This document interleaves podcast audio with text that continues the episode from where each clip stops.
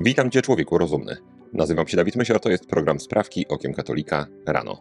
Jest czwartek, 25 maja. To jest 47 dzień okresu wielkanocnego. 50 minus 47 równa się 3. Dlatego do uroczystości zesłania Ducha Świętego zostały nam właśnie 3 dni. Niemcy. Gigant sportowy Adidas wznowi sprzedaż butów Keniego Westa, ponieważ grozi mu utrata 1,2 miliarda euro. W zeszłym roku Adidas zerwał współpracę z Westem, który firmował buty serii Yeezy. Powodem były wypowiedzi rapera na temat lobby żydowskiego. Wypowiedzi w dzisiejszych czasach bardzo niepoprawne politycznie.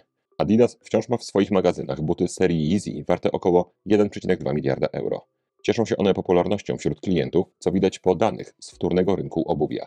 Firma nie może sobie pozwolić na kolejne straty, biorąc pod uwagę fakt, że w tym roku Adidasowi grozi pierwsza roczna strata od trzech dekad. Dlatego też antysemickie buty przestają być problemem. Adidas zapowiada, że część dochodu ze sprzedaży zostanie przeznaczona na cele charytatywne. Jednak nie może przekazać butów organizacjom charytatywnym, ponieważ istnieje obawa, że obdarowani mogliby je po prostu odsprzedać. Watykan. We wstępie do książki Cud życia papież Franciszek przypomina stanowisko Kościoła w sprawie aborcji. Czytamy: Cud narodzin przypomina o najwyższym z przysługujących nam praw, tym do istnienia. Kościół musi zabierać jasny głos na temat aborcji i godności człowieka. Papież zachęca też, by mówić o tym temacie, zaczynając od wsłuchania się w głos nienarodzonego dziecka. Podkreśla też piękno patrzenia na rodzące się życie jako posiadacza najwyższego prawa, które należy do wszystkich prawa do istnienia. Zauważa także, że nie można odbierać praw embrionowi, ponieważ gdy decyduje się o przerwaniu ciąży, nie ma on żadnego głosu w sprawie. Pisze też o ogromnej ranie, jaką aborcja wywołuje w kobiecie. Bogu niech będą dzięki, że papież potępia aborcję. Może martwić to, że tak często używa słowa prawo do istnienia zamiast dar istnienia. Jak również to, że w argumentach przeciwko aborcji brakuje w ogóle czegoś, co mogłoby się wydawać najważniejsze. To jest grzech przeciwko Bogu i piątemu przykazaniu. Jednak pomimo tego, że argumenty papieża Franciszka podkreślają godność ludzką i skupiają się na potępieniu aborcji z czysto antropocentrycznego punktu widzenia, radość może sprawiać fakt, że jednak potępienie samego czynu wydaje się być u papieża jednoznaczne. Trzecia sprawka to krótka żywotów świętych, dawka. Dziś wspomnienie świętego Urbana I, papieża i męczennika. Urodził się w Rzymie około 175 roku. Był 17 papieżem. Swój urząd pełnił od 222 do 230 roku. Urban był dobrym kaznodzieją. Za jego przyczyną nawróciło się innymi 400 legionistów, a także święta Cecylia, jej mąż święty Walerian i jego brat święty Tyburcjusz. Na miejscu męczeństwa świętej Cecylii Urban kazał wybudować kościół, w którym spoczywają jej relikwie. Wydał też instrukcje, by kapłani używali do mszy świętej kielicha i pateny zrobionych ze złota lub srebra. Papież Urban I zginął 23 maja 230 roku przez ścięcie głowy, oskarżony o nawrócenie 5000 Rzymian. Został pochowany w katakumbach przy Via Appia. W średniowieczu był jednym z najpopularniejszych świętych. W jego dzień dokonywano błogosławieństwa pól. Jest patronem winiarzy, ogrodników, rolników i urodzaju. Wzywa się go także w czasie burz. W sztuce przedstawiany jest w szatach pontyfikalnych, a jego atrybutami są kielich, krucyfiks, księga, miecz i winne grono. Francja. Zawodnik drużyny Nantes, pan Mostafa Mohamed, otrzymał od klubu karę finansową za to, że w meczu francuskiej ekstraklasy przeciwko Toulouse odmówił założenia koszulki wyrażającej solidarność ze środowiskiem LGBTQ i innych literek. Pieniądze z kary przekazane zostaną organizacji zwalczającej tzw. Tak homofobię, czyli niestety jakiejś marksistowskiej fundacji. Z okazji przypadającego 17 maja, Światowego Dnia Przeciw Homofobii, francuscy piłkarze pierwszej i drugiej ligi podczas meczów rozgrywanych 13 i 14 maja nosili koszulki z tęczowymi elementami, które teraz mają być wystawione na aukcję, a zysk z ich sprzedaży ma zasilić organizację środowisk LGBTQ i inne literki. Pochodzący z Egiptu Mohamed nie założył koszulki, więc nie pozwolono mu grać. Swoje motywy wyjaśnił w mediach społecznościowych. Szanuję wszystkie różnice i przekonania. Ten szacunek rozciąga się na innych, ale obejmuje również szacunek dla moich osobistych przekonań. Biorąc pod uwagę moje korzenie, kulturę i przekonania, nie mogłem uczestniczyć w tej kampanii. Również pięciu zawodników Tuluzy odmówiło noszenia tęczowych koszulek. Jak poinformował klub, zawodnicy profesjonalnego składu wyrazili sprzeciw wobec kojarzenia ich wizerunku z kolorami tęczy reprezentującymi ruch LGBT. Wśród tych normalnych pięciu zawodników Tuluzy jest były napastnik Stali Mielec, pan Said Hamulić. Indie. Media obiegła informacja o nowym, śmiertelnym zagrożeniu. Jest nim wirus Nipah, który powoduje śmierć 70% zarażonych. Na południu Indii zaobserwowano, że u ludzi dochodzi coraz częściej do zakażenia tym wirusem. Jego pierwotnymi nosicielami miały być, proszę uwierzyć lub nie, nietoperze. Objawy również mogą wydawać się Państwu znajome. Wirus powoduje gorączkę i atakuje płuca. Nie jest jednak nowy. Znany jest od roku 2018. Zakażenia odnotowano również w innych azjatyckich krajach, takich jak Malezja, Singapur czy Bangladesz. Światowa Organizacja Zdrowia sprawdza potencjalne zagrożenie, jakie może powodować nowy wirus. Według organizacji jest to jeden z najbardziej niebezpiecznych patogenów. Ma mieć podobno potencjał do rozprzestrzeniania się dużo większy niż wirus modny jeszcze półtora roku temu. Jak skomentował na Twitterze politolog pan Marcin Palade, globalne giganty farmaceutyczne z bilionowymi obrotami nie odpuszczają. Wciąż im mało. Przytoczyłem ten komentarz, ponieważ trudno o celniejszy. Polska.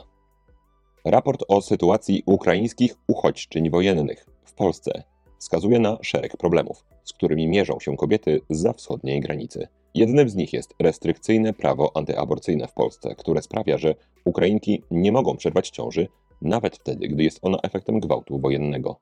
Fakt, że niemal wszystkie tego typu światopoglądowe artykuliki wyborczej opierają się na wyssanych z palca problemach, to jedno, ale w tym przypadku wyobraźnia autora widać zapomniała, że aborcja w przypadku gwałtu jest akurat w Polsce niestety legalna. Według raportu kobiety z Ukrainy w Polsce mają utrudniony lub zupełnie zablokowany dostęp do tzw. Tak usług związanych z tzw. Tak prawami reprodukcyjnymi, czyli do aborcji. Swoją drogą, to trzeba naprawdę przyznać, Lewita jest absolutnym mistrzem w wymyślaniu tego typu powiedzonek. Prawa reprodukcyjne jako określenie prawa do przerwania zaistniałej reprodukcji przez zabicie owocu tej reprodukcji, czyli dziecka. Ukrainki, które u siebie miały dostęp do aborcji na żądanie, są podobno w szoku, że w kraju należącym do Unii Europejskiej istnieje prawo chroniące życie. Boją się zajść w ciążę w Polsce i w związku z tym, w akcie desperacji, decydują się na powrót do ogarniętego wojną kraju. Ponownie Polska. I ponownie o naszej absolutnie ulubionej gazecie wyborczej. W jednym z ostatnich artykułów dziennik kontynuuje swoją krucjatę przeciwko pierwszej komunii świętej, cytując list, który ukazał się na równie niezwykle lubianym przez nas Onecie. Zaczęło się od podwyższonej temperatury w sobotę, a skończyło na wymiotach w niedzielę. Relacjonuje jedna z matek dzieci, które w tym roku mają przystąpić do pierwszej komunii. Powodem podobnych reakcji ma być stres, który odczuwają młodzi wierni w czasie egzaminowania przez księży i katechetów. Podobną historię zna pan Artur, którego chrześnica niedawno miała komunię. Wspomniała, że z tego wszystkiego bolała ją głowa. Jednak ten stres nie był tak wielki jak przed przystąpieniem do pierwszej spowiedzi. Prawdziwość rzekomych listów do redakcji jest już od dawna przedmiotem kpin. Większość historii publikowanych w rozmaitych onetach, interiach, gazetach wyborczych i innych mediach z tamtej marksistowskiej rodzinki jest naprawdę absurdalna. Pytanie, czy choć części czytelników prawdziwość tych zwierzeń zwykłych Polaków do redakcji Gazety Wyborczej i podobnych jest choć trochę podejrzana. Jeżeli dla nikogo i po prostu przyjmujemy w dobrej wierze ten artykuł, pan Artur poinformował, że jego chrześnicę rozbolała głowa, a jedna z matek informuje, że zaczęło się od gorączki, a skończyło na wymiotach. To wszystko na pewno prawda. Natomiast co z tej prawdy miałoby wynikać? Wczoraj w całej Polsce był sprawdzian po ósmej klasie. Dużo dzieci się stresowało. Myślę, że znaleźlibyśmy nawet jakąś dziewczynę, która miała wymioty. Czy natychmiast należy zrezygnować z tego sprawdzianu, może z całej podstawówki, nie mówiąc o maturach, egzaminach na studia, nie mówiąc już o tym, jak stresująca może być na przykład dla młodego mężczyzny próba zdobycia względów kobiety. Tego też należy natychmiast zakazać. To chyba wszystkie stresujące rzeczy, jakie umiem wymienić. Gdybym jednak o jakieś zapomniał, wszyscy ci ludzie, których te stresy dotykają, powinni jak najszybciej napisać list do redakcji Gazety Wyborczej, gdyż ta, jak widać, bardzo uczciwie podchodzi do problemu rozwiązania wszystkich ludzkich stresów. Ostatnia sprawka to krótka rozprawka. Dziś o różańcu. Szatan od zawsze dąży do wprowadzenia podziału w Kościele Świętym. A teraz próba podzielenia Kościoła na katolików tradycyjnych i katolików wychowanych po Soborze Watykańskim II, którzy wprowadzone po nim zmiany przyjmują jako wolę Ducha Świętego. Podział pomiędzy dwiema grupami nie powinien polegać na wzajemnej niechęci, dyskusjach o swoje racje, krytyce drugiej strony.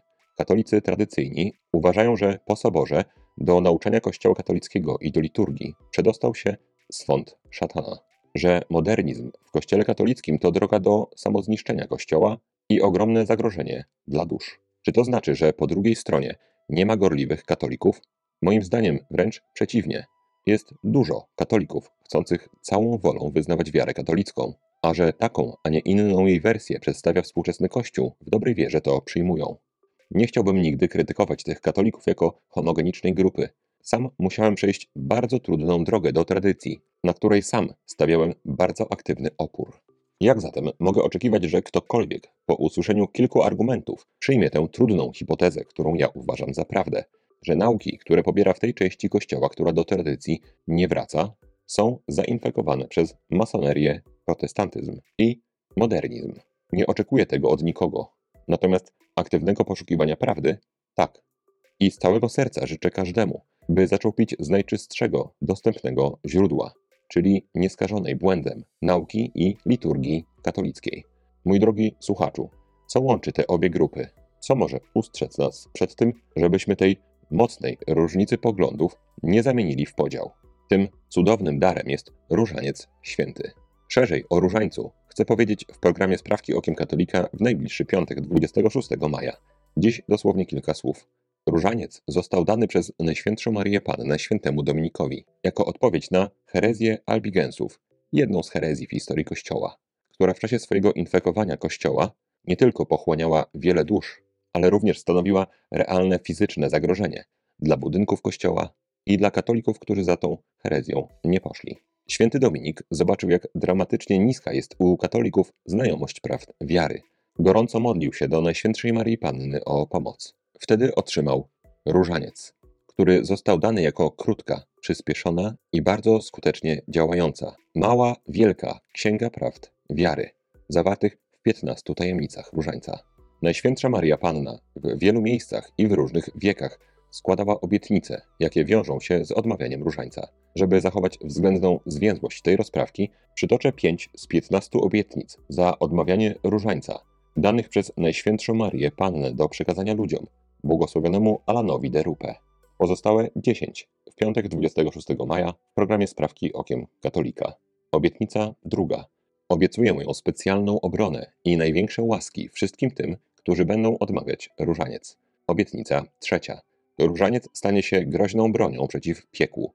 Zniszczy, pomniejszy grzechy, zwycięży heretyków. Obietnica siódma. Ktokolwiek będzie miał prawdziwe nabożeństwo do Różańca Świętego, nie umrze bez sakramentów Kościoła. Obietnica jedenasta. Otrzymacie wszystko, o co poprosicie przez odmawianie Różańca. I obietnica trzynasta. Otrzymałam od mojego boskiego syna obietnicę, że wszyscy obrońcy różańca będą mieli za wstawienników cały dwór niebieski w czasie swego życia i w godzinie śmierci. Mój drogi słuchaczu, niezależnie od tego, czy jesteś wiernym tradycji, czy nie, nie szukajmy tego, co nas w kościele dzieli, bo szukać tego tak naprawdę nie musimy.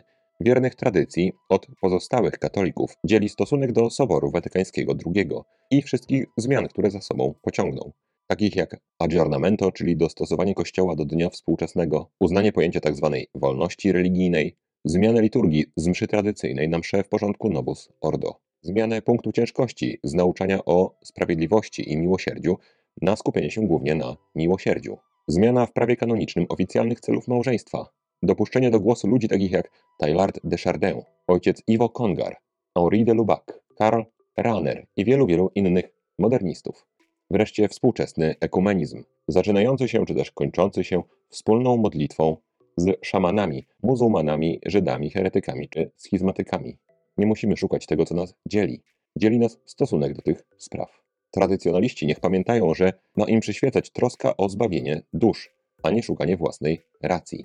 Katolicy, nie uznający konieczności negacji Soboru Watykańskiego II, niech pamiętają, że tradycjonaliści to też ludzie, którzy po prostu inaczej rozumieją historię Kościoła. Jeżeli nawet czasem wyglądają jakby się wymądrzali, to być może robią to w trosce o Kościół i o zbawienie dusz, również tych drugich. To wszystko, co nas dzieli, rozstrzygnąć może Najświętsza Maria Panna, która obiecała rozwiązywać takie problemy i która wszystkim odmawiającym różaniec i pozostającym w pewnym sensie otwartym na poznanie prawdy, z pewnością dar poznania tej prawdy da, nie mówiąc już o wszystkich pozostałych, jakże cudownych obietnicach. Dlatego, mój drogi słuchaczu, odmawiajmy różaniec. To na dzisiaj wszystkie sprawki okiem katolika rano. Jeżeli mogę Cię prosić, daj proszę łapkę w górę pod tym filmem na YouTubie i napisz komentarz. Życzę Ci błogosławionego dnia. Święty Urbanie I, módl się za nami. Człowieku rozumny, trzymaj się, nie łam się i bardzo Ci dziękuję za Twój czas. Mam nadzieję, że do usłyszenia jutro. Zostań z Panem Bogiem.